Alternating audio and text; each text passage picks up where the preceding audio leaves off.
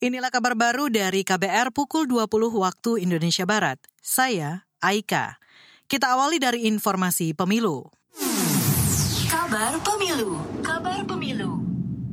Lembaga Survei Indonesia LSI menyebut gelaran pemilu 2024 bakal berjalan menarik, khususnya bagi para partai politik pendatang baru dalam meraup suara kalangan muda baik milenial maupun Gen Z. Direktur Eksekutif LSI Jayadi Hanan mengatakan proses berpolitik yang dijalankan parpol baru harus memiliki pembaruan dan beridentitas yang kuat di masyarakat untuk meraup suara, seperti konsentrasi di isu-isu strategis yang populer seperti perempuan dan anak di kalangan anak muda yang tidak tertarik politik, saya yang tertarik politik agak setinggi sedikit sebetulnya, 32 persen. Tapi apakah yang lain yang hampir 70 persen anti politik? Benar kata Pak Iman, sebetulnya tidak. Cuma mereka yang mereka tidak suka adalah politik seperti yang kita kenal, hard politics, perebutan suara, perebutan kursi ketua umum, gontok-gontokan untuk pilkada, saling jegal apa namanya kursi di DPR DPRD, Direktur Eksekutif LSI Jayadi Hanan mengatakan para pemilih anak muda cenderung lebih menyukai parpol yang santun dalam berpolitik.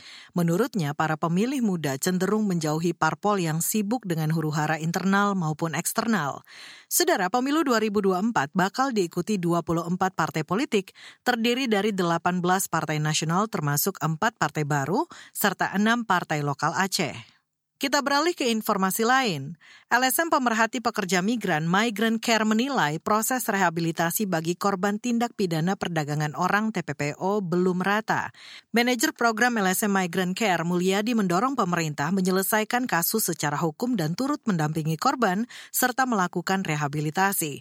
Menurutnya, pemerintah harus mengupayakan rehabilitasi yang lebih mudah diterima dan diakses para korban. Kalau menurut pendapat saya belum cukup ya Mbak. Jadi jadi kalau misalnya Kemensos mau mempercepat ya untuk penanganan rehab dan restitusi dari korban, saja memang harus melakukan upaya-upaya yang serius, yang kemudian dan mudah diakses pemulihan hak korban itu. Manajer program LSM Migrant Care Mulyadi menambahkan pemerintah perlu memfasilitasi korban dalam upaya pelatihan guna melanjutkan hidupnya setelah direhabilitasi. Ia menambahkan literasi dan sosialisasi di masyarakat juga perlu ditingkatkan dalam upaya pencegahan praktik perdagangan orang.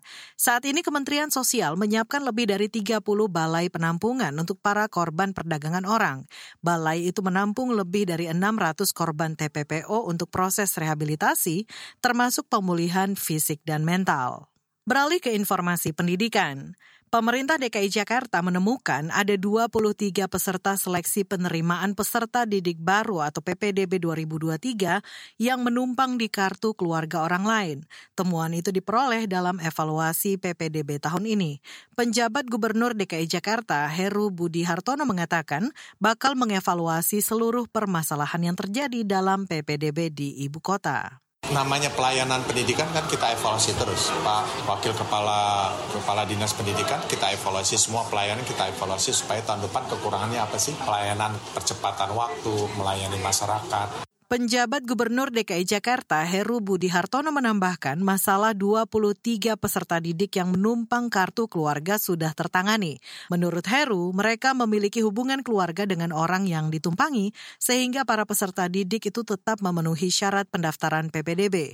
Sebelumnya, Dinas Pendidikan DKI Jakarta mencatat dari hasil verifikasi sebanyak 23 peserta didik sudah lama tinggal bersama keluarga yang berstatus warga DKI Jakarta. Kartu keluarga yang dimiliki dimiliki diterbitkan sebelum batas waktu minimal yang disyaratkan dalam PPDB 2023.